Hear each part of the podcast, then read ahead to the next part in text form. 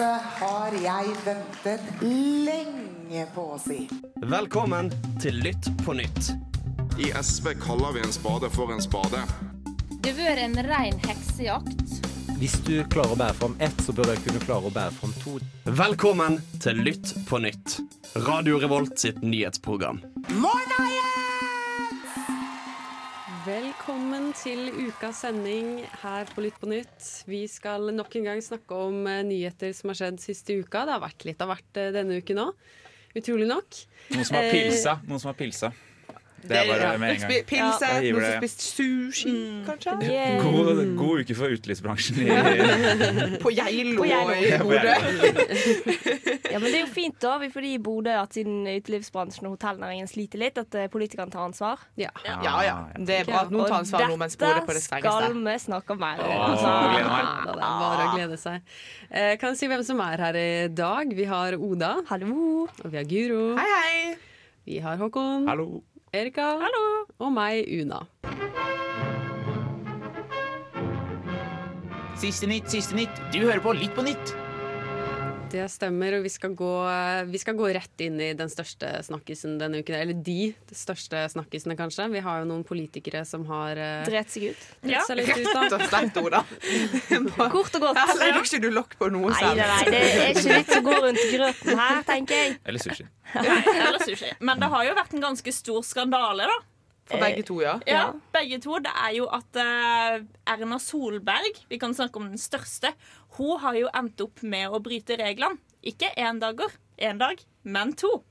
Så hun var på Geilo, spis, eh, skulle spise men så fikk hun problemer med øyet. Så reiste, men da var det jo 13 mennesker, så det telles som arrangement. Det var ikke greit, for det er kun nummer 10.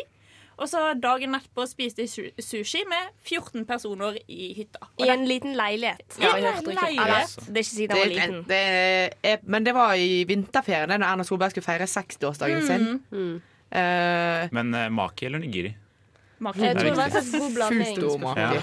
Ja, for det er jo der vi er nå, nesten. Det blir jo Vi er virkelig på Hva skal man si Jeg er nok litt i den eh, Mimir Kristiansen og- og- Leiren. Ja, leiren med at Ja, det var åpenbart totalt idiotisk gjort. Ja. Det, alle er jo enig i det. Det er ingen som sier noe annet. men det er jo ikke Men- Men hvor i interessant Gol er det på en måte å snakke Ja. om det så mye som vi har gjort? Det er jo, alle er jo helt enige. Det var dårlig. Kjipt. Ja. Let's move on, på en måte. Ja, og så er jeg litt sånn Fins det ett eneste menneske igjen i Norge nå som ikke har brutt en regel på den Nei. måten? Men dette er òg samtidig de reglene hun, De reglene hun bryter nå, er de samme reglene som 18-åringer har fått bøter på 10 000 for å bryte. Ja, men Så ja. hun- blir hun vel det- etterforsket Ja, for det. ja, så- ja, så det, jeg syns at politiet kan få kjøre sitt løp. ja. Men nå, nå skal jeg måle et bilde for dere her. Fordi Se for dere eh, natt til eh, lørdag kveld Natt til lørdag kveld. eh, natt til lørdag eh, på et ganske stappa kollektiv eh, i en studentby nær deg. Hvor ofte tror du argumentet men hvis Erna ikke gjør det, så gjør ikke jeg det heller. Kommer opp, Ja. Og det er det Ja. som er den store skaden her. Selvfølgelig. At folk tenker at å ja, men da er det jo, da er det jo greit å gjøre det du vil. Ja. Og så er det jo òg noe med at eh, Erna har brutt Det er mange som bryter regler fordi at ikke de helt forstår de. Eh, men Erna har jo faktisk da brutt regler som hun har vært med på å lage sjøl. Men hun begrunner det Eh, med at hun ikke forstår det, da. Ja, men det hjelper faktisk ikke, fordi en må ha eh, høyere forventninger til politikere når det gjelder sånne her ting. Og det er en del av jobben, og da må hun bare ta. Og hun har jo sagt at hun er lei seg. Eh, Ja, men Ja. det holder jo ikke. Du kan ikke lage regler som du ikke forstår. Nei, det blir for dumt. et veldig godt poeng. Men hun er ikke den eneste som har dritt seg ut, da. Nei. Nestleder i Arbeiderpartiet, eh, Bjørnar Skjæran. Ja, en, Skjæran. en fyr vi ikke visste hvem var for en uke siden, som Ingen nå har tenkt sånn Hm, hvordan kan jeg leve opp til Giske? jeg må gjøre et eller annet skandaløst. Så den eh, dagen Bodø iverksetter sine strengeste tiltak noensinne, finner han ut at det er dødsgod idé å ha nachspiel på hotell. Idiot. Ja, Men tenk dere hvor eh, Jeg tror han sendte noen eh, takkebuketter til en sushisjappe i Geilo. Ja, at det overskygga litt den historien. For den hadde nok dominert litt lenger, den, hvis ikke Erna hadde kommet på banen. Men politiet har jo eh, henlagt den saken til Bjørn Kjæran, Fordi at siden de var på et hotellrom, og det var Arbeiderpartiet som var liksom hadde leid dette rommet, så var det i regi av Arbeiderpartiet. Ergo det var et arrangement. Og de var bare syv stykker der. Sju, så det betyr at de kunne være ti. Så saken Så- er henlagt. Han har egentlig ikke brutt noen regler. Han bare gjort noe Eh, han var bare jævlig dum. Um, men så er det òg litt sånn Hvorfor? Hvorfor? Ja, men Hvorfor? jeg er faktisk mer bekymra for Erna Solberg. For tenk å flaut deg i internasjonale medier, og du bare sånn derre Norges statsminister brøyt reglene. Ikke én dag, men to. Jeg tror ikke de har brydd seg. Jeg tror Har de har det? drept i det. Har det, Ja. blitt Ja, omtalt? men Det er jo fortsatt kleint. Jeg, jeg vet Ja. ikke om det har blitt omtalt, men liksom, det er jo det liksom, som kommer ut i media om Norge nå, liksom. Jeg tenker bare at dette er verdens dårligste valgkampstrategi. Vi er inne, i- vi er inne i valgår, og nå begynner jeg å lure på om både Høyre og Arbeiderpartiet har planer om å ikke bli valgt. Ja. For hva faen er dette her for noe styre å drive på med, Men det er liksom? fint at de utligner hverandre, da, Ja, sånn at de på en måte stiller Ja, likt. Mm. Ja, ja. Vi bryter reglene, vi bryter reglene. Bryt reglene med oss. 2021.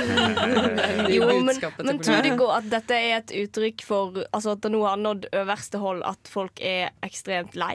Ja. Men hvis du ser da, i Trondheim denne uka her, så har det vært flere overskrifter med null smitte, null smitte, null smitte. Mm. Kombinasjon med det her Ikke for å være en veldig downer, men det er jo en perfekt storm til at det kommer et eller annet. Selvfølgelig. Selvfølgelig. oh, ja, bare vent på påsken. Ja, ja, men blanke- eh, jeg var ute og gikk uh, på uh, fredag, og da så jeg det var liksom sånn Det var sjukt mange folk som skulle på vors. Mm. Skulle du? jeg skulle ha arbeidskveld ved Deko. Ja, det er sant. Du hadde det arbeidskveld. det var faktisk helt innafor. Men eh, det er jo det er, Folk har begynt å leve litt som før her i Trondheim. Har ikke med det. Men, men det er mindre. Det var arbeidskveld med vin med mindre enn fem, liksom. Eller hvor Ja, mange? ja. Ja. Det er jo, det er jo en, det er et mindre fors. Og du får ikke dra videre for forset, liksom. Det, det er liksom et fors som varer til klokken er to. Ja, men tror, tror dere at folk For mitt inntrykk er at folk lever litt som før nå. Ja, eller med begrensninger, for jeg tror folk ofte er på ett vors, og så blir de invitert til et annet sted, og så drar de dit, da. For det er jo et sånn smutthull i reglene, på en måte. Ja, at den så lenge den er under ti totalt, så er det greit, liksom. Så du kan liksom reise flere steder. Ja. ja, og nå kommer jo påskeferien uansett, og sikkert ødelegger alt av smitte i Trondheim uansett. Så det går nok fint. Masse sushirestauranter i Trondheim som kommer til å glede seg til. Ja da, ja. Mitt navn er Martin Lepperød. Du hører på Lytt på nytt! Det stemmer, og der hørte du Lazy Queen med låta Gid Beal. Vi skal uh, snakke om uh, hva skal vi si kjøttpropaganda. Matprat. Matprat. Skal ha matprat. Vi skal ha Rett og slett. Ja, fordi dere kjenner jo alle til siden Matprat, hvor de har masse oppskrifter og, og masse greier, hvor man kan finne tips til hvordan man lager mat, og når man skal lage mat, og ja, hele pakka. Hva om jeg forteller dere at den siden er egentlig propaganda? Wow! Propaganda. Conspiracy. Men egentlig ikke en conspiracy, fordi det er sant. Det er sant. Eh, Det er nemlig Opplysningskontoret for egg og kjøtt som driver denne siden. AKA de som eh, er ment å fremme at norske forbrukere skal spise så mye egg og så mye kjøtt som overhodet mulig. Jeg har alltid tenkt at Opplysningskontoret for egg og kjøtt er noe sånn der eh, offentlige greier. Men det er det ikke! Det er eid av Nortura! Er det ikke? Nortura, Nortura eier det, men det er bonden som finansierer det via staten. Det er litt komplisert her, men, Men det er Nortura- Nortura som eier det, og- basically. ja. Og Nortura er jo sånn her eh, moren til Gilde, blant annet, liksom. Moren til Gilde, faktisk. Ja, Ja, og men du Prior sier og- noe der. Og, og full pakke. Og- det som de nå har fått kritikk for, en, en lang artikkel i Filter nyheter, eh, så har de da sett litt på hvordan de bruker sin plattform til å markedsføre seg mot barn. Eh, det er jo ganske kjent, Helsedirektoratet har jo sagt at du skal unngå å spise mer enn 500 gram kjøtt i uka. Eh, men det stopper ikke disse eh, Matprat og deres side, deres som, litt mer sånn barneaktig side som heter matstart.no, som går direkte til barn. Eller er ment å gjøre det, i hvert fall. Til å eh, fremme kjøtt som et alternativ som du kan spise hver dag. Du skal lære barna å lage mat, og da skal det selvfølgelig være kjøtt i den maten. Uh, og dette går sånn stikk i strid både det med at vi må spise mindre kjøtt for at vi skal nå klimamålene våre, og fordi det er forbanna usunt for, uh, for deg som barn og voksne og forbruker generelt. Ja, men jeg tenker sånn når du søker på en oppskrift, da, så er jo matprat ofte Ja! en av de sidene som Absolutt. dukker opp desidert først.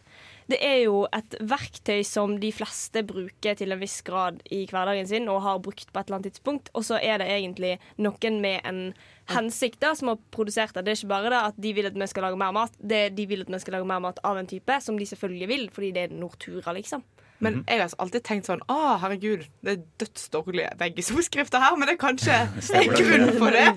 For det, har, det er ofte jeg har letet etter sånn ah, Hva skal jeg til middag? Matprat det er en side jeg har brukt før. Da er det alltid med egg. Da kan du vedde på. Ja, ja, ja. Ikke sant? 100 med egg. Det er ikke noe sånn suppe. Eller, ja. Nei, ne, men jeg tenker det er, det er jo nesten enda mer problematisk at dette er eh, statlig finansiert, indirekte. Mm.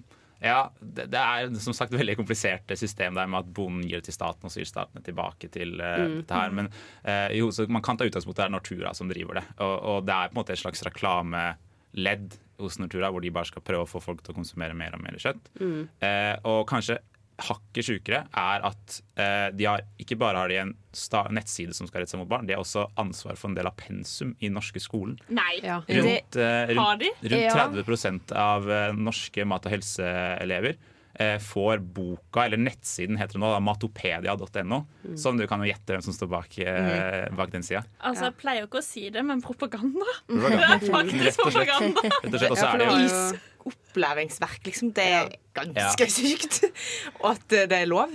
Ja, men eh, er det, hvor problematisk er det egentlig? For vi blir jo på en måte, Det er jo en slags trend i samfunnet at en går mer mot vegetaroppskrift og sånn. Er det så farlig at noen opplyser om oss om kjøtt, eller? Eh, jeg ville tenkt at det var problematisk hvis Pinsekirken sto bak eh, læringsverket i KRLE. Jeg ville jo det. Det er et veldig godt poeng. Det er et godt poeng. Men.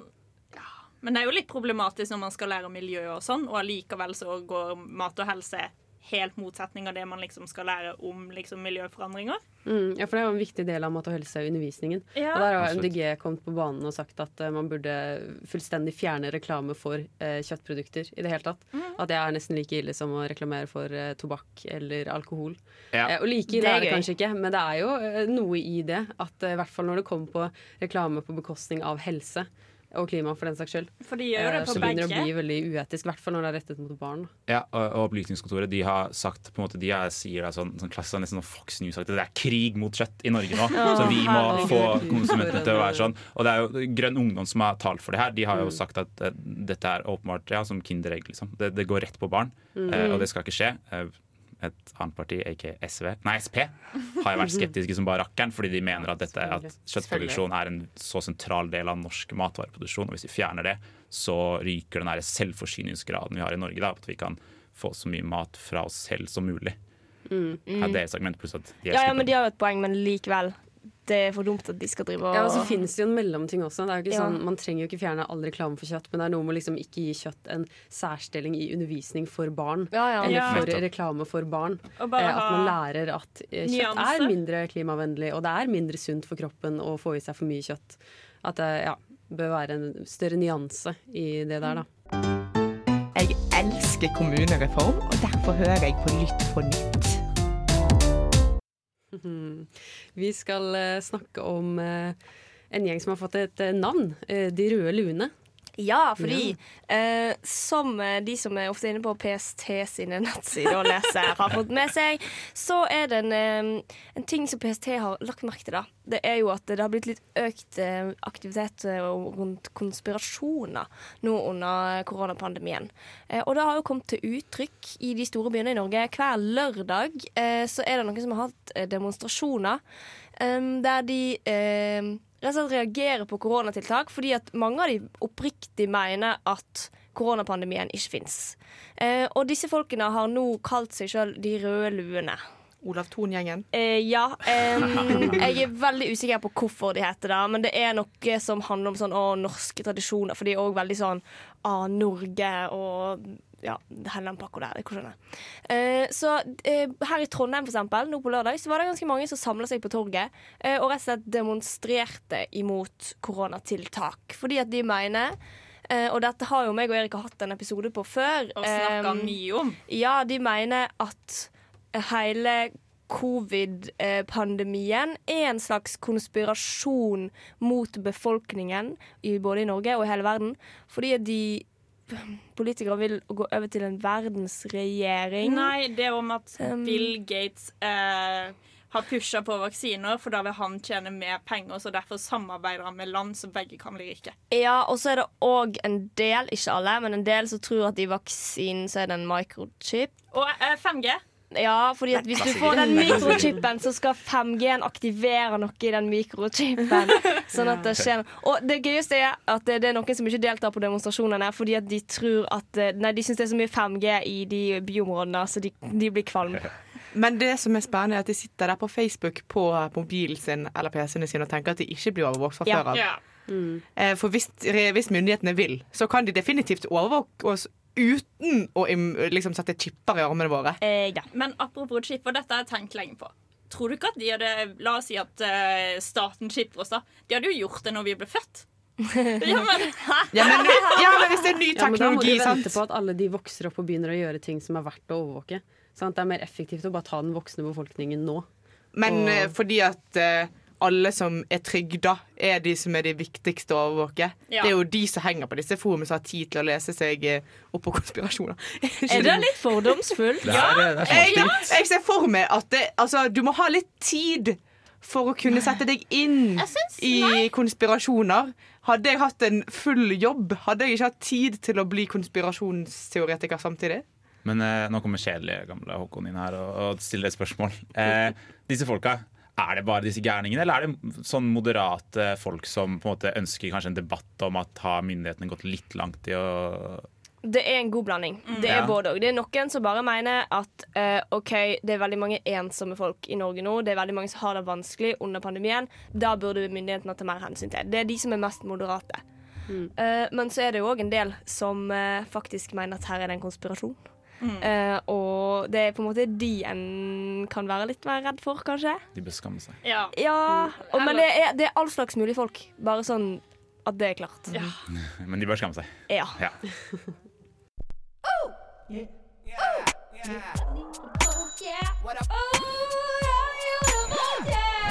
Hør kun på Radio Revolt. God stil! Vi skal eh, gå over på å snakke om eh, vaksinen som har fått eh, mye oppmerksomhet de siste ja, to ukene eller sånt. AstraZeneca. AstraZeneca. Det er jo nå mistanke om at det er flere eller større bivirkninger av denne vaksinen enn det man opprinnelig trodde. Nemlig en økt sannsynlighet for blodpropp. Eh, det vil si, det har vært eh, 13 personer med blodproppsykdommer i Tyskland og under 10 personer i Norge, som er det man tar utgangspunkt i eh, når man eh, kommer med disse mistankene. Eh, og de, de lærde strides på hvor eh, farlig dette er og ikke. Eh, European eh, Medicine Agency har godkjent videre bruk av vaksinen. Mens i Norge så er man mer skeptisk til bruk av AstraZeneca-vaksinen. Eh, så det blir litt spennende hvordan, eh, hvordan dette blir håndtert. Altså, sannsynligvis så er det ganske sånn lav eh, Altså det er underrapportering av bivirkninger. Eh, eksempel har jo Israel brukt stort sett AstraZeneca. Eh, og de har vært veldig opptatt av å fronte seg som et av landene som har vært veldig flinke på vaksinering. Og da vil de selvfølgelig ikke vise fram disse bivirkningene. Så det er mulig det er liksom flere tilfeller der enn det, man, eh, det som kommer fram. Ja, for egentlig hadde jo Israel vært en, et godt eh, utgangspunkt for liksom å se hvordan det er når en eh, vaksinerer veldig mange folk. For det er jo Mm. det en må gjøre for å finne ut av sånne ting, egentlig. ja, bare ikke hele befolkninga. Ja. Skal bare skyte den inn.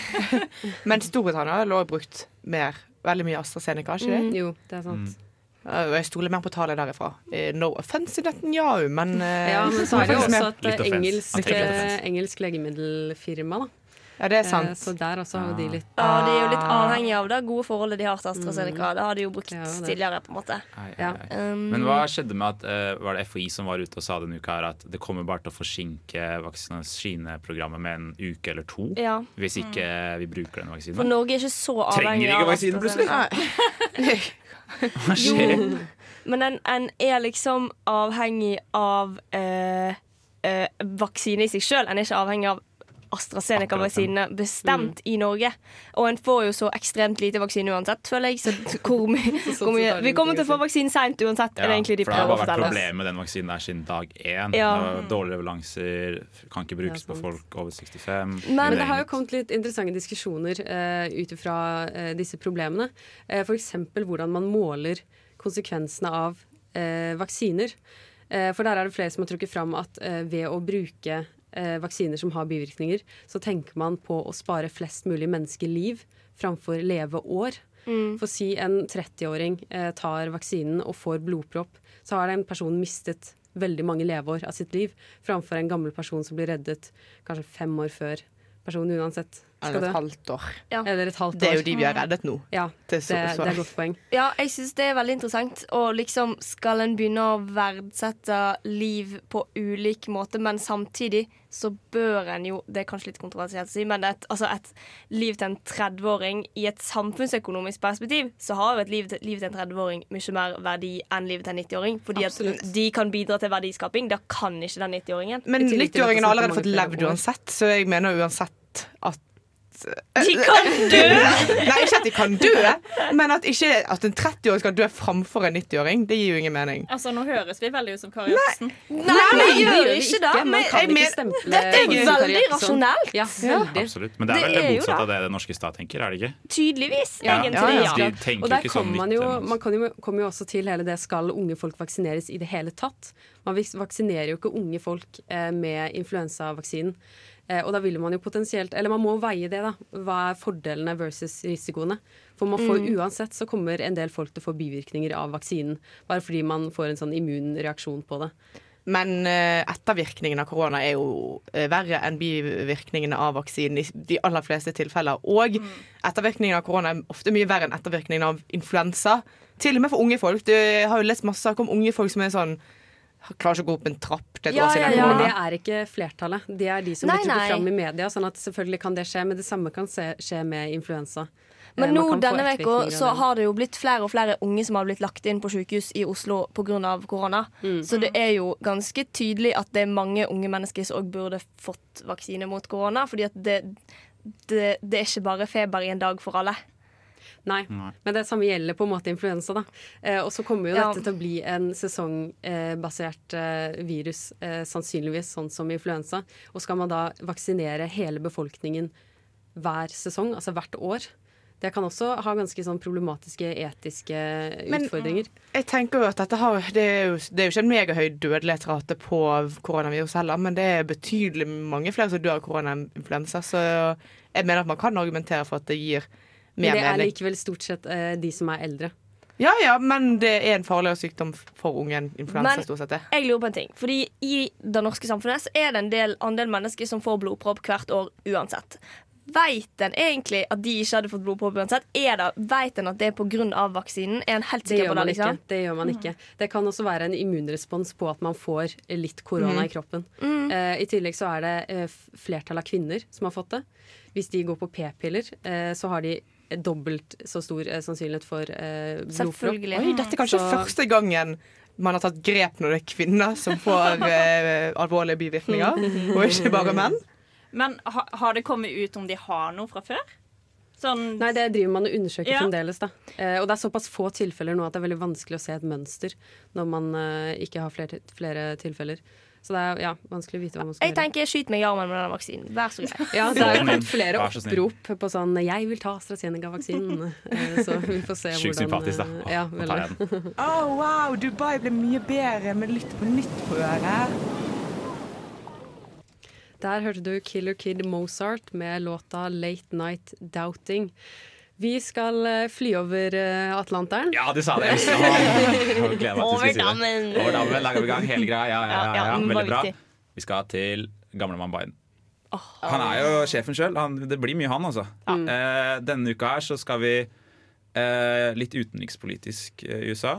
Mye, mye makt i USA, og de viser gjerne den makta rundt om i verden hvis de kan. Denne uka her har de ikke krangla med bare ett autoritært regime, de har krangla med to autoritære regimer. Boom, boom, boom, boom. Biden skal vise muskler, tror jeg. Eh, så han har da først så hadde han et langt eh, intervju med ABC News i, i USA, hvor han kalte Trump Nei, ikke Trump. Eh, Putin. Får ditt slipp! Samme person. Eh, han kalte Putin for en killer. Det er ikke noe godt norsk, for det er ikke morder han mener. Han mener mer sånn at dette er en mann som dreper. Ja. Ja. En drapsmann. En, ja, en drapsmann. Eh, eh, så han kalte Putin for en killer, da. Eh, og var generelt bare sterkt kritisk til alt som har skjedd med Navalnyj. Eh, og alt det. Og da kom også en rapport fra, som, eh, fra hva heter det? Intelligence Community. Oi. Ja, CIA, FBI, Etterretnings- etterretningsbyråene. Eh, om at Russland var ganske tett knytta til å prøve å påvirke litt valg og sånn i USA. Det er sånn klassiker. Sånn som Og de da ble Biden sur. Da blir man jo sur. Ja. Det er jo ikke det man vil Jeg forstår mannen, jeg. Ja, og Da kaller du Putin en killer og sier at du skal sanksjonere en del. Som er det Han har sagt Eller han har sagt at Russland vil betale en pris. Men veit vi noe om hva disse sanksjonene kommer til å konkret være? Eller har ikke Mm. han sagt noe om det? Det vil jo være da de klassiske sanksjonene mot nære allierte til Putin, Ja. som da er rike oligarker. Så økonomiske sanksjoner, da. Det, det vil man kunne tro, men dette er ganske hard retorikk. Mye Ja, ja. av det Trump uh, har kjørt på med. Men Trump er jo fan av autoritære ledere. Trump er litt autoritær. Han har liksom forbilde. Ja, det er Ja. sant. Ja, man kan, jo, ja, det, man kan jo beundre litt at han er helt ærlig og bare sier at Putin er en dårlig leder og dreper motstanderne sine. Men sånn utenriks, eh, utenrikspolitisk er det jo ikke kjempediplomatisk å si sånt om uh, Putin. Det er jo ikke så lurt i forhold til eh, forholdet Russland og USA seg imellom.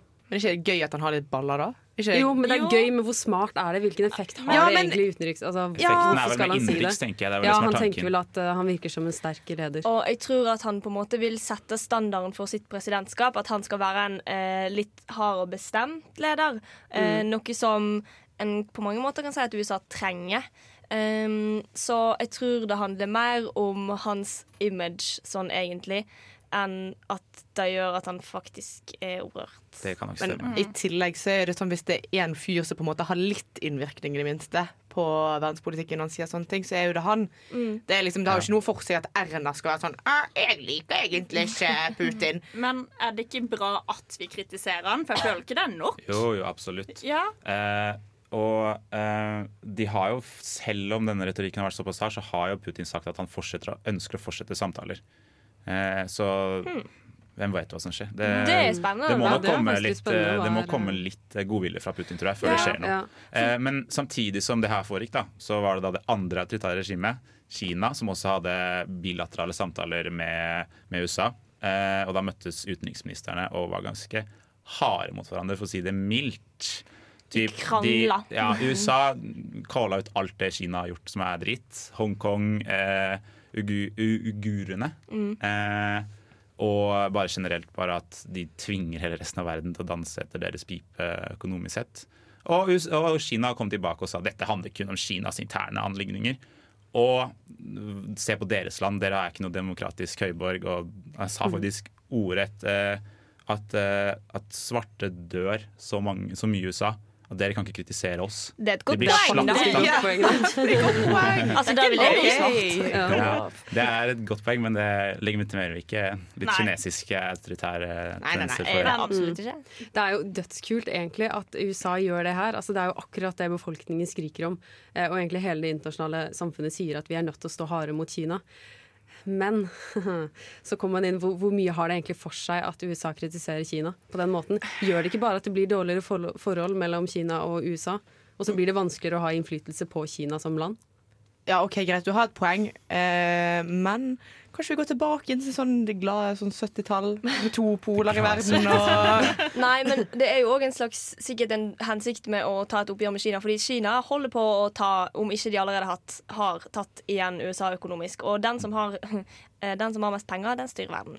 Nei, det Jo, men, De styrer jo land. Men greia er at USA og Kina er jo gjensidig avhengig av hverandre. Når det kommer, fordi de har jo stort tette økonomiske bånd til hverandre. Så da å kritisere den andre parten og bli uvenner, det går faktisk økonomisk utover de. Så mest sannsynlig så vil en jo ikke holde på med det så veldig lenge, fordi at en skjønner at en trenger hverandre på godt og vondt. Mm. Ja, og det er, vel, er vel også USA et av de landene som faktisk kan kritisere Kina uten at det har så store konsekvenser økonomisk. For alle andre land ville vært fucked hvis ikke Ja. de hadde Kina. Nettopp. Og det er, litt, det er et av, det er litt av ønsket til Biden også, å samle Mm. resten av Vesten mot Kina. Og få med seg EU og lage en slags koalisjon der som kan stå sammen og kritisere Kina, og Mm. ikke la Mm. dem bruke de økonomiske store musklene som Kina har. Snakke det er det NATO. start på Snakke Nato. og det er det kanskje begynt litt på her. Jeg vet ikke. Det, Ja, kan håpe. Ja. Det hadde vært kult. Det hadde vært kult, faktisk. Mm. Ja. Hva gjør du på? Jeg hører på Lytt på nytt, vel? Det stemmer. Vi skal, eh, ja, vi skal snakke om to ganske kjipe saker nå. Vi skal snakke om uh, folk som blir behandlet dårlig. Ja, Vi skal over Atlanteren en gang til. Ja, det skal Eh, eller primært. Det jeg tror det er et problem som har vært et økende problem i hele verden, men Mm. spesielt i USA. Fordi siden begynnelsen av koronapandemien så har det vært en kraftig økning i hatkriminalitet mot uh, asiatere, og kanskje spesielt asiatamerikanere. Eh, og du kan jo kanskje skylde mye på Donald Trump for dette her. China Eh, virus. China virus, kung flu sånne, Når han bruker sånne rasistiske Idiot. omtaler om Ja. eh, viruset. Ja, Eh, selvfølgelig skaper det eh, mer eh, en annerledes diskurs om det. Selvfølgelig er det mer greit å snakke på den måten når statens øverste, Ja, ja, ja. tidligere øverste leder snakker sånn. Det er jo enkel Ja, ja, ja. politisk psykologi, liksom. 100 Og forrige uke så skjedde det en masse, sky masse skyting, faktisk. En masse skyting i Atlanta i Georgia, hvor eh, eh, en mann skjøt og drepte åtte mennesker. Hvor eh, seks av disse menneskene var av asiatisk opprinnelse. Eh, og så har det vært mye snakk i ettertid om dette her var eh, et om han hadde hat så, mot eh, Ja, om det var rasistisk motivert. ja, om det var liksom. rasistisk motivert, eller om det ikke var det. Eh, og det har på en måte startet en liten, eh, en liten samtale, fordi det er vanskelig å bevise at noe er eh, hatkriminalitet. Og kanskje spesielt mot asiatere, fordi mange andre grupper har på en måte veldig sterke symboler som er sånn OK, hvis, hvis en fyr som har tatovert en et hakekors mm. begår hatkriminalitet mot jøder, så er det ganske åpenbart at det var Hvorfor motivert av hat. det, Eller hvis noen har, bruker renneløkka, så er det ganske det er ganske åpenbart at dette her er noen KKK-folk, liksom. Mm. Eh, mens det finnes liksom ingen sånne symboler for asiatere. Og derfor har det vært ekstremt vanskelig å bevise at eh, det er hatkriminalitet. Men det, mest, eh, det som jeg syns var verst, det var jo det at det var en politimann som tok denne saken og bare Ja, nei, han hadde en dårlig dag. Ja, ja, ja, men det er jo sånn Det er sånn politiet behandler uh, hvite menn når de, har, uh, når de begår massemord. Det Ja, ja. Men Han he ung, had a bad day, liksom. Det, ja går, det, det går det går ikke. grense. Det går ikke. Eh, og, Du tenker ikke at han kan grine litt i dusjen eller noe sånt i stedet for å begå massemord. på en måte. Det er Ja. et par steg en kan ta før på en dårlig dag. men Jeg bare slenger det ut der. akkurat denne saken her eh, det er, det er litt rar sak, fordi det har vist seg i ettertid at han som begikk eh, massemordet, mener sjøl at dette her var motivert av hans sexavhengighet. Og derfor gikk han på spa og drepte de som jobber der, fordi da fikk han Da sto han imot sine lyster med å drepe de som jobber på spa, for det var sikkert noe som var triggende for hans sexavhengighet eller noe sånt. Hvordan er spa sextriggende? Mye nakne folk og massasje og sånne ting. Det var bare provoserende. Ja, ja, ja. Eh, så om liksom Og det liksom viser igjen hvor utrolig vanskelig det er. Bare sånn, ok, Er det tilfeldig at det bare jobbet en del asiatamerikanere på disse spaene han eh, skjøt på, eller er det liksom òg motivert av hans hat mot eh, eh, Hvis han har et hat da, mot eh, asiatamerikanere. Men uavhengig av denne saken så har det vært mange flere rapporterte, rapporterte hatkriminalitetssaker i spesielt USA pga. korona. Ja, Noe som er jeg utrolig trist. har blant annet sett det Jeg henger jo mye på TikTok siden jeg er en ung person. Gen Z. Um, ja. Eh, så så jeg en video av ei uh, asiatisk dame som hadde blitt overfalt av en hvit mann. Uh, men denne asiatiske, hun var kanskje var sånn 60-70 år, hun var ganske nevenyttig, da, for å si det sånn. Fordi denne hvite mannen havna da på ei båre. Og mens han lå på den båra på vei inn i ambulansen, så satt hun dama på siden med blodig ansikt og kjefta på han fortsatt.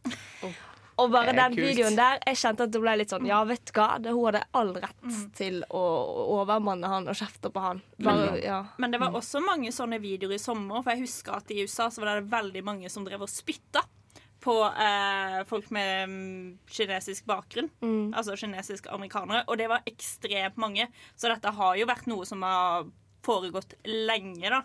Men det er bra at jeg begynte begynte å snakke om det. Mm, absolutt. Jeg er Fredrik Solvang, og du hører på Radio Revolt. Vi skal eh, snakke videre om en annen gruppe som blir eh, diskriminert, eller begått hat og vold og drap mot. Ja. Em, og det er jo en debatt i Storbritannia som har blitt starta uh, som følge av drapet på Sarah Everard forrige uke. Um, fordi hun hadde vært savna siden 3. mars, uh, og så ble hun funnet omkommet forrige uke, 10. mars. Uh, og så er det da en politimann som har blitt sikta for drapet, og han var allerede sikta for kidnappingen før hun ble funnet. Um, og dette starter en eh, stor debatt, eller i hvert fall en slags kampanje på sosiale medier, da, um, der eh, for eksempel er det en tweet som har spurt om kvinner har latt som de var i telefonen, gått store omveier eller løpt i frykt fordi at de har vært, følt seg trua av menn Mm. når de har gått ute i offentlig rom på kvelden, eller Ja, og den tweeten har blitt likt over 120 000 ganger. Um, I tillegg så er det en studie som er britisk studie som viser at 97% av kvinner mellom 18 og 24 oppgir at de har blitt seksuelt trakassert. Og 80% av alle kvinner sier at de har opplevd seksuell trakassering i offentlig rom.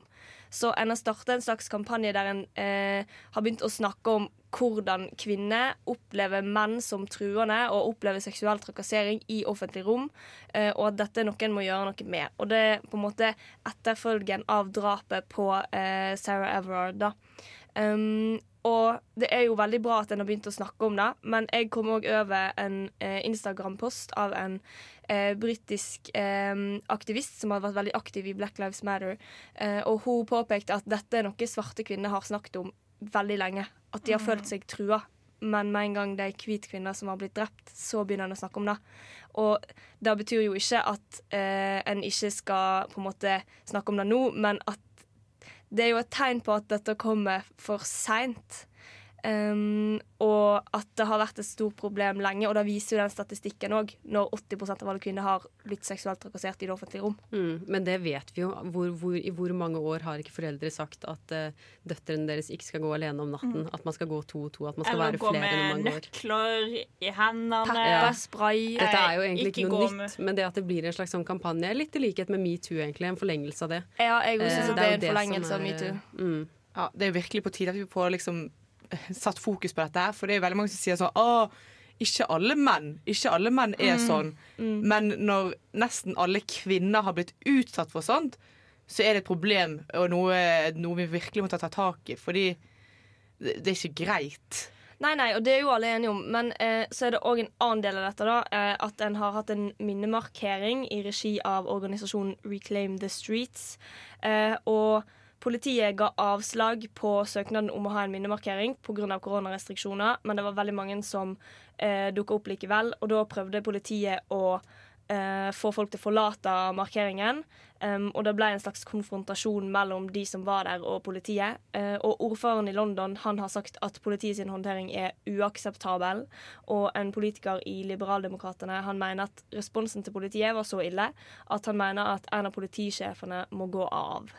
Eh, og det er jo Det er jo vanskelig å skulle ta en vurdering på hva under en pandemi hva, ting skal en måtte samle seg for? Er dette en sak som er så viktig at en burde ignorere at det er covid, liksom? Eh, tidligere denne uken så hadde eh, noen som sånn fotballsupportere De hadde fått tillatelse til å gå rundt i gaten og feire at fotballaget deres vant, med politiets godkjenning. Men politiet behandlet de veldig fint. Men det, altså, det er bare noe med det. Hver eneste gang eh, det er protester som kritiserer bl.a. politiet, så blir politiet mye mer voldelig. Ja, for det er jo en Mm. politimann som er sikta for dette drapet. Og så Ja, ja, ja. og så bare det med at eh, du ser bilder fra demonstrasjonen at politiet holder kvinner nede, liksom. Ja, Det ser ikke Du- så veldig bra ut, og det Nei. er ikke veldig bra. England, ass. Mm. Nei, uff, det er en grusom sak, men det er eh, viktig at det blir satt lys på, og at det kan føre til en større global diskusjon rundt eh, vold mot kvinner. Jeg er Erna Solberg, og du hører på Radio Revolt. Vi skal til Tyrkia og snakke om Mer. vold mot kvinner der. Ja, det ble veldig mye akkurat nå, merker jeg. Men eh, Ja, men det er jo en ting det som er er viktig. viktig. Det er veldig Ja. viktig at vi snakker om det, tenker jeg. Få lyset på det Ja. så mye som mulig. Ja, Absolutt. for det ble, denne uken ble det kjent at eh, Erdogan eh, han trekker ratifiseringen av Istanbul-konvensjonen eh, ti år etter de signerte. Istanbul-konvensjonen er da en konvensjon som er imot eh, vold mot kvinner. Mm. Eh, ikke veldig kontroversielt, burde det være.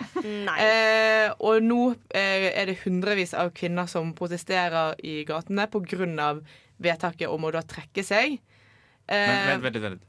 Istanbul-konvensjonen. Ja. Okay, Ja, det kommer- Ja, Ja, det er liksom at sånn Ost- eh, Norge skal trekkes ut av Oslo-avtalen. Det høres jo helt tullete ut. Ganske løk. Ja, og det, det har nok vært sikkert en hensikt med å legge det til Istanbul, tror ikke Ja, det? veldig symbolverdi. Det- Tyrkia har store problemer med Ja, vold mot kvinner. Det har de. Det, det, så langt dette året så har, er det 78 kvinner som har blitt drept eller dødd under mystiske eh, og, Ja, fordi Tyrkia har ingen offisielle tall på Nei. vold Ja. mot kvinner. Så det er bare rapportert liksom, fra Ja, ja. frivillige organisasjoner, altså privatpersoner som på en måte samler informasjon. Mm. Men Tyrkia det skal man ikke finne ut av. Nei, det er ikke jo det. Ja. Ja, ja, og i Tyrkia er det òg sånn at eh, Eller ifølge WHO så viser dataen at eh, 38% av kvinner i Tyrkia eh, blir utsatt for eh, partnervold, i motsetning til 25% i resten av Europa. Altså, en blir Det- jo sånn Er Erdogan bare ond? Det, det ja, Ja, ja, ja. liksom Hva, det, hva taper han egentlig på å være en del av denne Han mener, at, han mener at de gjør nok for å forhindre drap og vold mot kvinner fra før av. Eh, Dette er jo på tross av at eh, eh, drap på kvinner har økt de siste ti årene. Eh, Og alle kritikerne sier at det er ikke godt nok. Men ja, ja, ja, det er ikke godt nok. Eh, og grunnen, han, han begrunner dette ikke bare med at han mener at de gjør nok for å forhindre eh, partnervold og dra- drap på kvinner, men han mener òg at eh, eh, denne konvensjonen ødelegger for tradisjonelle familieverdier. eh, Som å slå folk. ja, Altså- tradisjonelle familiestrukturer i Tyrkia. Og så mener han òg at eh, denne her eh, konvensjonen her åpner òg for at eh, Altså, den, den syns det er for OK å være homofil, liksom. Det Ja, ja. ikke sant? Eh, Så Det er òg det et, det er også et, eh, det er også et steg tilbake for homofile i Tyrkia. Mm. Ikke bare kvinner. Det der familieargumentet er så drittlei av. Ja. Ja, ja. Den erkekonservative familien som bare Mor lager middag og pappa jobber i bank. Og ingen er homofile. Mm. Ingen har gjort noe galt noensinne, og alle bare lever i en sånn sky av lykke. Ja, ja, ja. Og Ja, men jeg blir litt sånn Det var ingen kvinner som ble slått på 50-tallet her. Nei, nei, nei, nei. Åh, Jo, men det er jo litt sånn Hva Jeg klarer aldri å forstå det der familieargumentet. For det er sånn Ja, men hvis du vil ha en sånn familie, ha det, da. Bare aksepter at ikke alle andre vil ha det. Det er ikke Hvor- en trussel mot deg av naboen din er homofil. Det går Jeg skjønner det ikke. Jeg aksepterer faktisk ikke det som et argument. Men det er mer å maskere det, da. Fordi La oss si at du har liksom sånn gamle ting, og så må du finne sånn Nei, vi bryr oss ikke så mye. Det liksom gjør at vi må deale med ting vi egentlig ikke gidder. Da tar vi inn familieverdi, og vi vil ha familien sånn som den var før. ikke sant? Alt er fryd og gammen. Kvinne er hjemme, mann jobber og alt det der. Og så Ja. er det jo egentlig bare fordi at det blir tiltak. Men altså, dette viser jo bare da at feminismedebatten er ikke ferdig. Nei. De siste, altså de siste tre temaene vi har snakket om, viser jo egentlig det. Mm. Altså, det er jo Det, det blir så Nei, vet du hva, det blir faktisk for dumt. Er vi aktuelle da. Jeg orker ikke. Takk for meg. Hei, det er Kyra Gørvla Kygo Nei, bare kødda. Det er Thomas Seltzer. 30 år eldre enn Kygo. eh, Og du hører på Radio Revolt. Det stemmer, eh, og vi skal ned til eh, Tyskland, for der er det valg. Det er valgår, er sånn som i Norge. sånn Faktisk megavalgår. Det er så mye valg i Tyskland. For det er ja, utrolig sånn Det er ikke bare litt valg, det er kjempevalg. Megavalg. Det er megavalg. Eh, og det største valget er jo selvfølgelig hvem i all verden skal erstatte Angela Merkel. For eh, det som egentlig har vært dronninga av europeisk politikk de siste Hva snakker vi? 16 år? Ja, i hvert fall. Eh, Ja, det er i hvert fall dødsmange år. Dødsmange år. Hun uh, gir seg nå. Hun, uh, hun sier at uh, nå, nå holder det. Hun har jo allerede for sånn, ikke det sånn to år siden hun trekte seg som partileder. Ja. Eh, og dette er hennes siste periode som forbundskansler. Og da står det selvfølgelig, som i alle gode, gamle vestlige demokratier, fire hvite menn bak henne og klarte til å ta Yes! posisjon. Eh, og det skjer her òg, det vet du. Men partiet hennes er litt hardt vær om dagen. For det har ikke bare vært én, ikke bare vært to, men det har vært tre korrupsjonsskandaler eh, den siste, Ah, den siste tida. Den er kjip, ass. Så da er det bare én hvit mann igjen som kan ta plassen hennes. Og, og som regel er den som eh, kan ta plassen hennes, den minst karismatiske og minst kule duden, liksom. Det er en klassiker. Ja. Nei, Disse her var ikke lederkandidater eller til, å ta, til å ta hennes jobb, men de var ganske prominente folk i det, folk i det som da heter, eh, hva heter for, oi, Forbundsdagen. heter det selvfølgelig. Mm. Eh, altså deres storting. Eh, og de har da de, to stykker som har drevet og deala litt med litt munnbind og sånn, da. Som man, ikke, som man jo skal. Man skal Mm. få litt provisjon for å selge munnbind til den tyske staten når du sitter i, eh, som folkevalgt. Ja, det er lov å være lur med pengene sine. Ja, ja, ja. Så de har tjent sånn ish, sånn der, ja, to-tre mil på det hver, da. Ja, Det høres rimelig ut. Ja, Det høres ut som en god deal. Og de er i meget hardt vær og er etterforsket av politiet. Selvfølgelig. Flaut. Ja, eh, Krise for partiet. For det er en del eh, lokalvalg. og I Tyskland betyr lokalvalgene ganske mye. Mm. Eh, og disse to sitter selvfølgelig godt i de setene hvor det akkurat nå er lokalvalg. Ikke sant. Så de sitter an til, ligger an til å tape et greit eh, mot De grønne, faktisk. Som ligger an til å Ja, men gjøre det det bra. kan vi sette pris på. Det, det Ja. liker vi. Eh, Men det har jo, dette hjelper jo på en måte ikke på den store, det store problemet, egentlig. At det ikke har vært en tydelig etterfølger etter Angela Merkel. Eh, og hun er jo en legende Ja, i europeisk Absolutt. politikk, så det er ganske store sko å fylle. Og det er ikke hvem som helst som kan fylle de skoene. Og så er det ingen eh, naturlig liksom, person som kommer inn og er superkarismatisk og bare kan fylle de skoene. For å gjøre dette superlokalt kan man sammenligne med trondheimspolitikken og Rita Ottervik, liksom. Ja, det kan en jo egentlig. Ja. Hvem skal er der. etterfølge Rita? Ja, hun har sittet her i 20 år, liksom. Ja, det er hun som har sittet i 20 år, ja. Kanskje hun og Angela Merkel begynte samtidig. Ja. Jeg tror faktisk det. Nei, for det nærmer seg, det nærmer seg hvem, et valg om hvem som skal uh, ta over. Da. Uh, det som er litt rart, er at dette partiet, altså CDU, uh, Kristelig Demokratisk Union eh, ne- Det nailer jeg. Har du vært tysk, eller? Nei. Eh, de er egentlig to partier, eh, og begge lederne for de, disse partiene eh, De ønsker å ta over rollen til Angela Merkel. Mm. Og det nærmer seg et valg. Jeg lurer på om det er nå neste uke. Det skal folk komme før påske. Mm. Om hvem som da skal stille på stemmeseddelen for dem. Men det virker som at de taper ganske mye terreng. Det er jo ganske sjukt at Angela Merkel har klart å holde på den posisjonen så lenge som hun har. Ja, men det er jo ganske typisk at når en har så mye tiltro til en leder, så er det på en Ja. måte mange stemmer på Angela Merkel, de stemmer ikke på partiet. Og når hun da forsvinner, så Mhm. kommer jo partiet naturligvis til å miste en del oppslutning. Det kommer mest sannsynlig til å skje uansett. Og når de da tillegg ses på som et sånt styringsparti som misbruker sin posisjon såpass mye, bl.a. med disse munnbindsalgene, Mm. så er det noe som skurrer. Ja. Mm. Det, det blir veldig spennende å følge med på, i hvert fall. Ja. Det, jeg tror vi må sette oss godt inn i det tyske valget framover. Det tror jeg òg. For fire år siden så var jo det sånn Alternativ for Deutschland som gjorde det sykt godt. Jeg tror, de kan, jeg tror de kan klare seg bra. nå, De kan altså. klare seg. Ja, det er bare å glede seg. Ah, 26. september er det valg. 26. september er det valg. Vi skal følge det tett vi i Lytt på nytt. skal vi Ja, ja, ja. Du hører på Lytt på nytt på Radio Revolt. Nå har det vært mye negative kvinnenyheter, eh, men det kommer en eh, positiv en på tampen. Ja, først er det litt negativt. Så sånn som dere husker, så snakka vi om ok. eh, Mogafoli og at han hadde fått korona på sin Altså sending. presidenten, Ja, i presidenten i, Tanzania. i Tanzania. Nå er han død. Så han Rest in peace. Hæ? Rest in peace. Ja, rest in peace. Stakkars fyr. Han eh, døde, men så kom positive ting. Så visepresidenten eh, Sulalu Hassan hun erstatta han, så nå har Tanzania sin første kvinnelige president. Og det er den første Hey. kvinnelige presidenten noensinne. Ja, noensinne. Som, eh, Så nydelig! som Før USA. Ja! Oi, joho!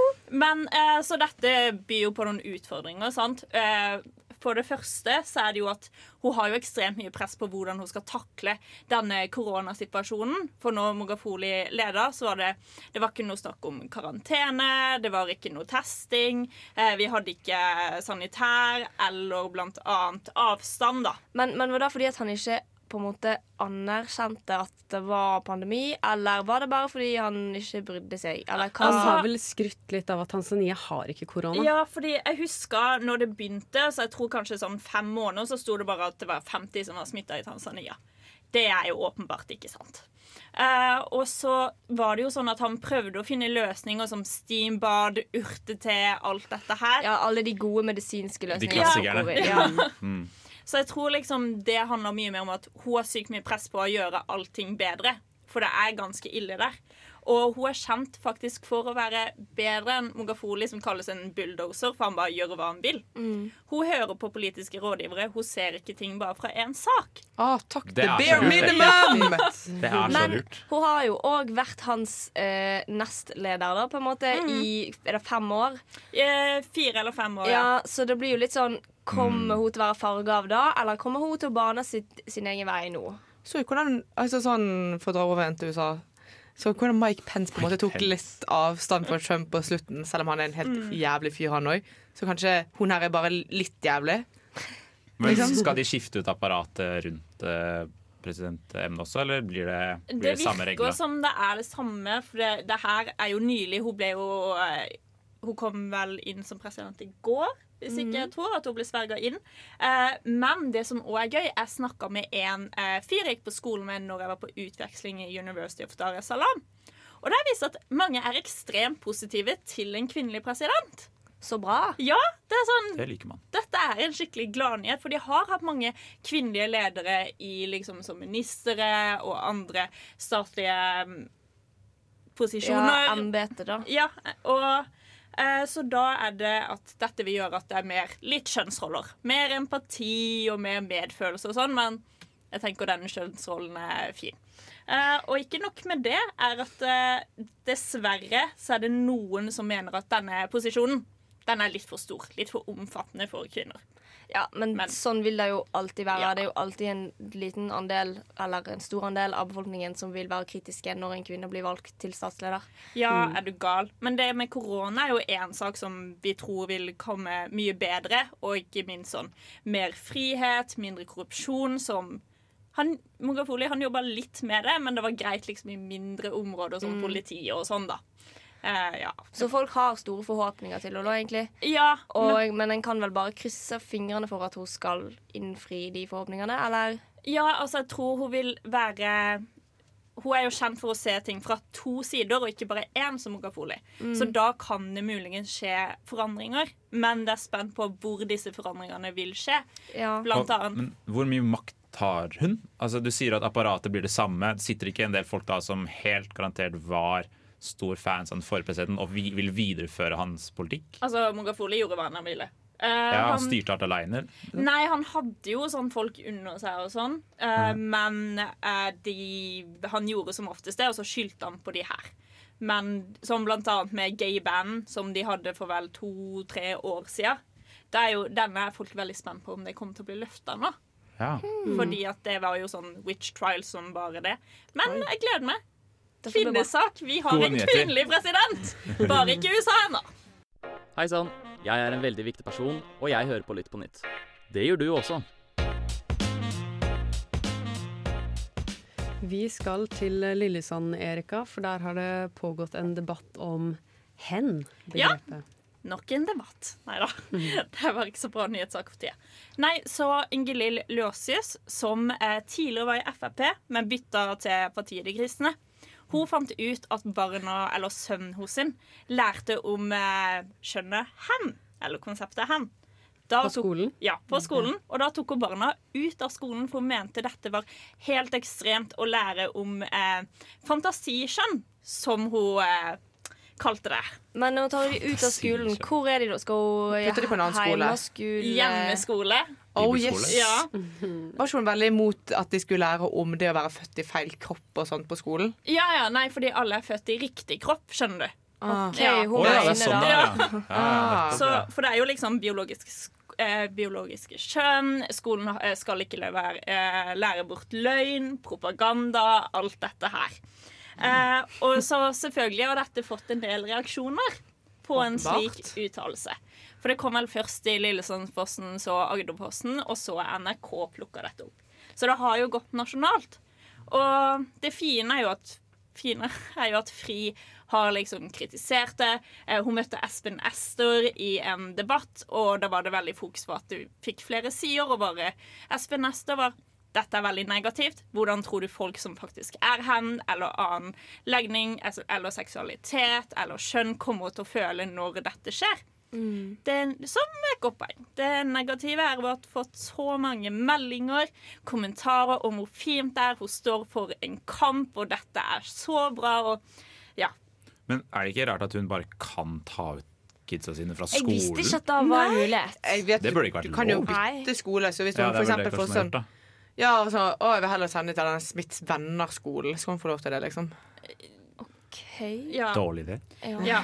Men det er jo ikke første gang hun har vært sånn her. da Tidligere så kritiserte hun òg eh, skolen for å ha regnbueflagg i klasserommet. Men jeg bare skjønner ikke hva er det hun tror skal skje med ungene sine. Fordi De skal bli homofile eller Ja, og det er ikke sånn da. Jeg nøyaktig. håper på en måte at ungene hennes Nei, det håper jeg ikke. Ikke for den er egen, nei, nei. Altså, Men for hennes del kanskje hun får en øyeåpner. For å si 'suck it'. Ja. Ja. Men det er jo veldig farlig, fordi at du ser jo hvor mye støtte hun får.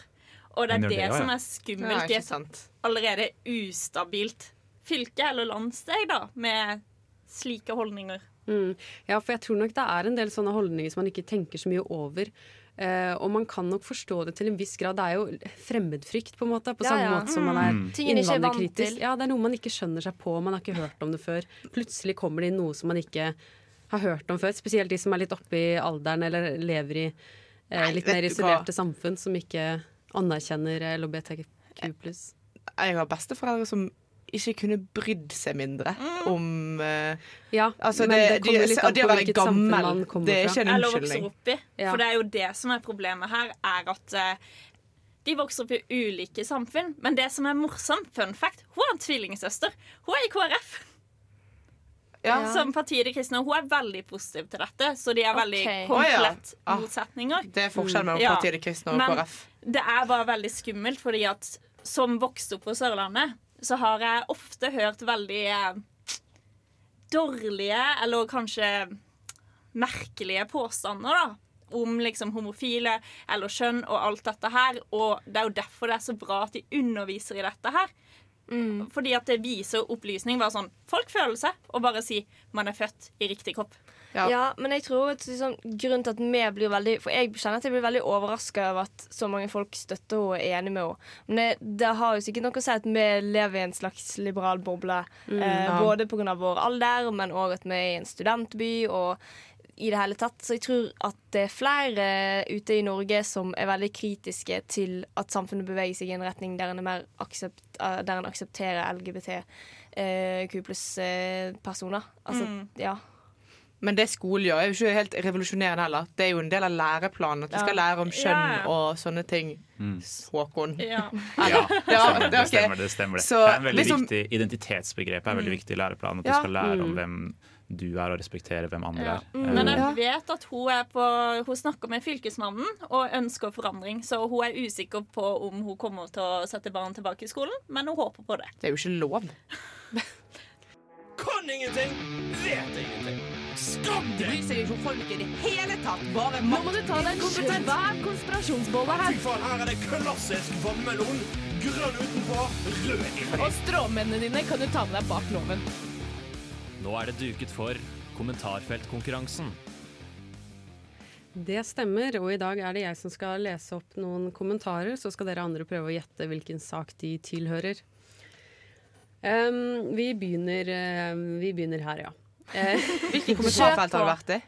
Det har vært uh, TV 2 Nyheter på klassiker. Facebook. Som vanlig. slår aldri feil. Ok, Første ut er Ingenting forundrer meg i dag. Selvfølgelig må vi ha x antall dårlige nyheter hver eneste dag. Farlig å legge ut noe positivt. Kan jo risikere å bli positiv. Jævla media. Oi. Jævla Kan ikke det være alt? Den første jeg møtte som er fan av sånn NRK Lyspunkt. Det er den nye greia, satsingen til NRK. Det er sikkert jævlig slitsomt. Altså, Ja. Lyspunkt det er Jeg vil ha ekte nyheter, jeg. Ja. Jeg vil ikke ha sånn ti filmer du kan se på med familien. Ja. Ok, Men dere klarer ikke gjette den nå? Eh, det. Folk har ikke penger. Nei, det har de jo ikke. Og Nei, stemmer det. er det Erna Solberg? Nei, Nei. det er det Vi skal ikke til De hadde vel ikke råd før pandemien heller. ok, Det neste er eh, Pølsa Pettersen ordner dette. What? Hva er det Pølsa Altså, Pettersen ordner? Ikke han er sånn sportsfyr. Ja, Han ordnet ikke 'Mesternes mester', for å si det sånn. skal vi til skimiljøet? Vi skal ikke det. Den eh, Nei. kommentaren er litt uh, malplassert. Var Det noen som gikk sykt fan av Pølsa Pettersen. Det er noen som går og kommenterer navnet altså, på. Han fikser alt, han fikser han alt. fikser. Ok, Det neste her er litt mer inn på tema. Tragisk i disse tider. Mange husløse. Burde ikke være lov nå som det er så mange som har mistet inntekten. Skal vi til rike leie... Eller eiere? Nei. Men vi skal til at folk har mindre penger under korona enn før. Og Skal det vi er til veldig mange sånn som rente, liksom? sliter. Vi skal, vi skal ha legit rente. Vi skal til renter. Ja. Fordi nå spår Finanshjørnet. eh, Ja, det er jeg som har finanshjørnet i dag. Eh, Det spås at eh, renten kommer til å gå opp i løpet av dette året. Eh, Og det er jo egentlig positivt for økonomien i Norge, for det er jo en valuta på hvor bra økonomien i Norge er. Mm. Men det vil jo selvfølgelig ha konsekvenser for de som allerede har eh, tapt mye penger i løpet av eh, pandemien. Men er ikke det at reallønnen kommer til å gå ned òg, da? At folk på en måte får, får kanskje samme lønn, men at de får mindre for pengene. Mm. Eh, og det er jo Stemmer. negativt Det når er du jo et allerede lønnsoppgjør har som nærmer seg, da. Ja. Får man jo se. Ja, Men, Det eh, går an å håpe. Men at folk har mindre penger enn før, Mm. eh, er jo kanskje ikke det en trenger nå. Nei, det er vel et par Nei. lærere og noen sykepleiere som har vært relativt sinna på NHO i det siste, fordi de har gått ut og sagt at eh, nå krever de at dere skal gå litt mm. ned Mm. i, i levestandard.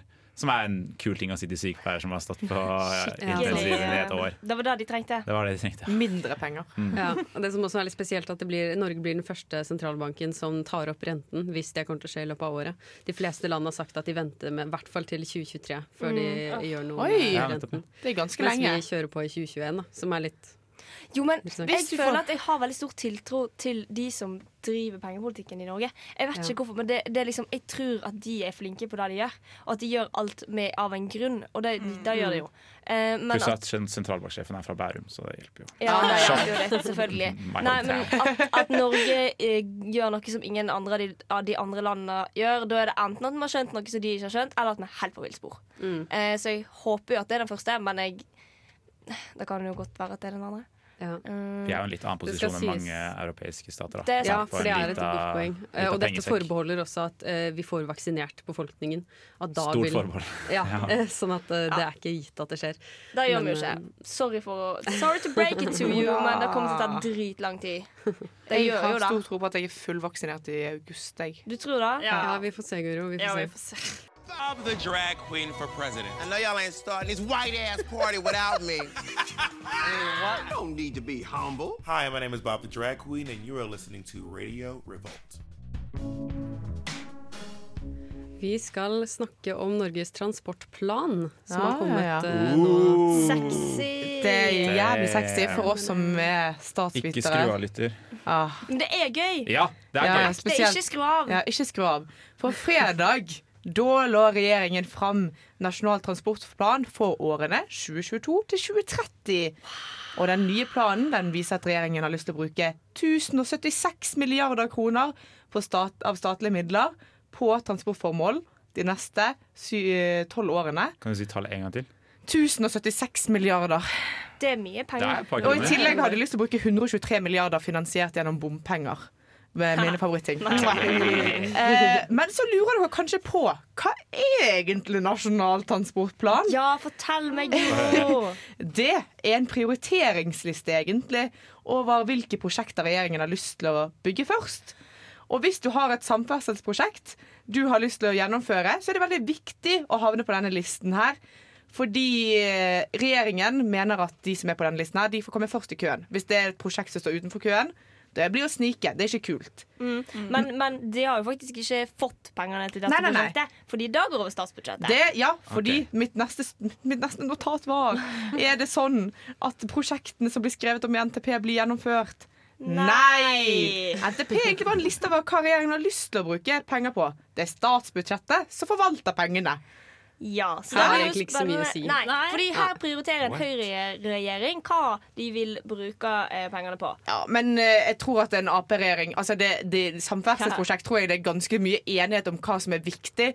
Men altså, hvor mye penger de har lyst til å legge inn, det er forskjellig fra regjering til regjering. ja, ja men så handler det jo litt om hva velgere du vil appellere til. da det, det Mine mistanker er og det er ganske um, t taktisk valgt prioritering, Ja. Fordi Ja. at det er velgere eh, av de partiene som sitter i regjering, som er fan av disse prosjektene. Ja, det er noen eh, prosjekter som har eh, mistet 50% av støtten sin. Og så er det, noen, det, var, det var en god dag for Vestlandet. Masse Mm. penger til Bybanen til Åsane. Masse penger til Hordfast, altså bro mellom Stord og Os. Eh, masse penger til eh, dødsveien på Stanghelle, eh, altså mellom veien Bergen og Voss. Ja, men nettopp, det er mitt poeng. Du har masse penger til Vestlandet. Hvilke velgere er det på Vestlandet? Alle KrF-velgerne. Ja. Oh, ja, KrF trenger flere velgere. Jeg tenkte de hadde lyst til å stjele eh, Senterparti-velgere, jeg. Ja, nei, kanskje. Det er jo spennende Men, altså, men det, få det er jo litt rart, da. da bruk, dette er jo en transportplan som sier skal brukes de neste ti åra. Ja. Eh, og så skal det være en litt av partipolitisk eh, trefning der som man skal ta utgangspunkt i de neste ti årene. Ja. Er det, de er, tror dere de er såpass skamløse? Ja, selvfølgelig er de så skamløse! Ja, Hva er det du men, Det var et fint forsøk på Ja. eh, Ja, ja. Men ja. Ja, det tror jeg. Ja, Ja, ja, ja. nettopp. Eh, men Det er jo valgår òg. Jeg, tror- jeg, tror det blir- jeg tror bildet blir preget av det òg. Selvfølgelig blir det det. Hvorfor skulle det ikke det? på en måte? Det er et godt spørsmål. Men så er det noen andre som har blitt veldig skuffet. Eh, det Hareide sa det var en veldig tung avgjørelse, men ikke en vanskelig en. Eh, fordi Fordi Intercity eh, Jernbaneløsningen på Østlandet som eh, Ja, de hadde lyst til å bygge moderne dobbeltsporet jernbane fra Oslo til Fredrikstad, til Tønsberg, til Hamar og videre ut til Halden, Porsgrunn og Lillehammer. Ditt favorittsted. Ja. Ja. Og da har de nå nedprioritert. Det har de nå nedprioritert, for dette ble vilt dyrt. Det ble helt vilt dyrt. dyrt. Men problemet er at veldig mange av disse byene på en måte de har på en måte drevet med byplanlegging rundt dette her intercity-prosjektet, som har pågått siden 1990, og nå plutselig får de ikke pengene likevel. Det er så norskt! Det er så Oh norskt. my God! Ja, ja, dette skal være ferdig i 2022, liksom. Det har ikke begynt, nesten. Eller, Forslag. Forslag. Kickstarter. Vær så god. Rett ut. Der er Tete, og du hører på Lytt på nytt. Det stemmer, og sendingen nærmer seg eh, avslutningen. Men vi må eh, gi lytterne våre noe ut til eh, uka som kommer. Noen Det må vi. tips? Det må vi. Jeg, jeg kan slenge ut et med en gang. Jeg. Eh, vår alles Barack Obama. Mm. Det. Eh, lagde en film som heter Made in USA. En dokumentar. Eh, han har ikke laget den, han har produsert den. Som handler om en eh, kinesisk eh, businessmann som kommer og tar over en fabrikk i USA og forventer at de skal jobbe sånn som kinesere jobber. Oi! Eh, Sjuk trefning, masse drama, masse fagforeninger som blir lagd. Det høres ut som en reality. Det er. Hallo! Kjempefilm. Fra pres president til produsent. Fra president til produsent. Oi. Han er hans neste bok. Halla. PR-rådgiver, du, altså. Men jeg tipser òg. Og det var litt vi snakka om Tanzania, så alle burde følge med. For jeg tror dette kan bli veldig spennende.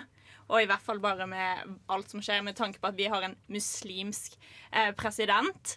Ja, for det snakket vi litt om Ja. eh, mens det var låt, at eh, hun kommer fra Zanzibar, der det er 90 99% muslimer eller noe sånt, mens fastlandet er veldig katolsk. Så det er ganske sånn eh, dårlig stemning mellom Zanzibar og Tanzania, eller fastlandet Ja, Tanzania. uh. Mens hun er eh, fra Zanzibar og er muslim, så det kan bli litt spennende hva hun kan gjøre med den Ja, politikken så det er de to. sykt spennende. og I hvert fall dårlig stemning uansett mellom Zanzibar og Tanzania. Ja. Så Men- tipset er å følge med på det. Ja, det er Ja, Jeg trodde du skulle komme med sånn. Så denne podkasten Nei, folk kan gjøre Denne litt selv. episoden er det Vi tipser et Google-søk. Litt for slitsomt. Litt for slitsomt. Ja, men det, jeg synes det er et godt tips. Jeg. Det, ja. Folk må følge Absolutt. litt mer på eh, afrikansk politikk. Det er Ja, et godt tips. Åpenbart ganske mye sjukt kult Og og spennende Barack som skjer. Obama sine nye prosjekter. Ja, det er jo et godt tips. Masse gøy, da. Gode Masse bra. Absolutt. Du har lyttet til en podkast på Radio Revolt, studentradioen i Trondheim. Sjekk ut flere programmer på radiorevolt.no.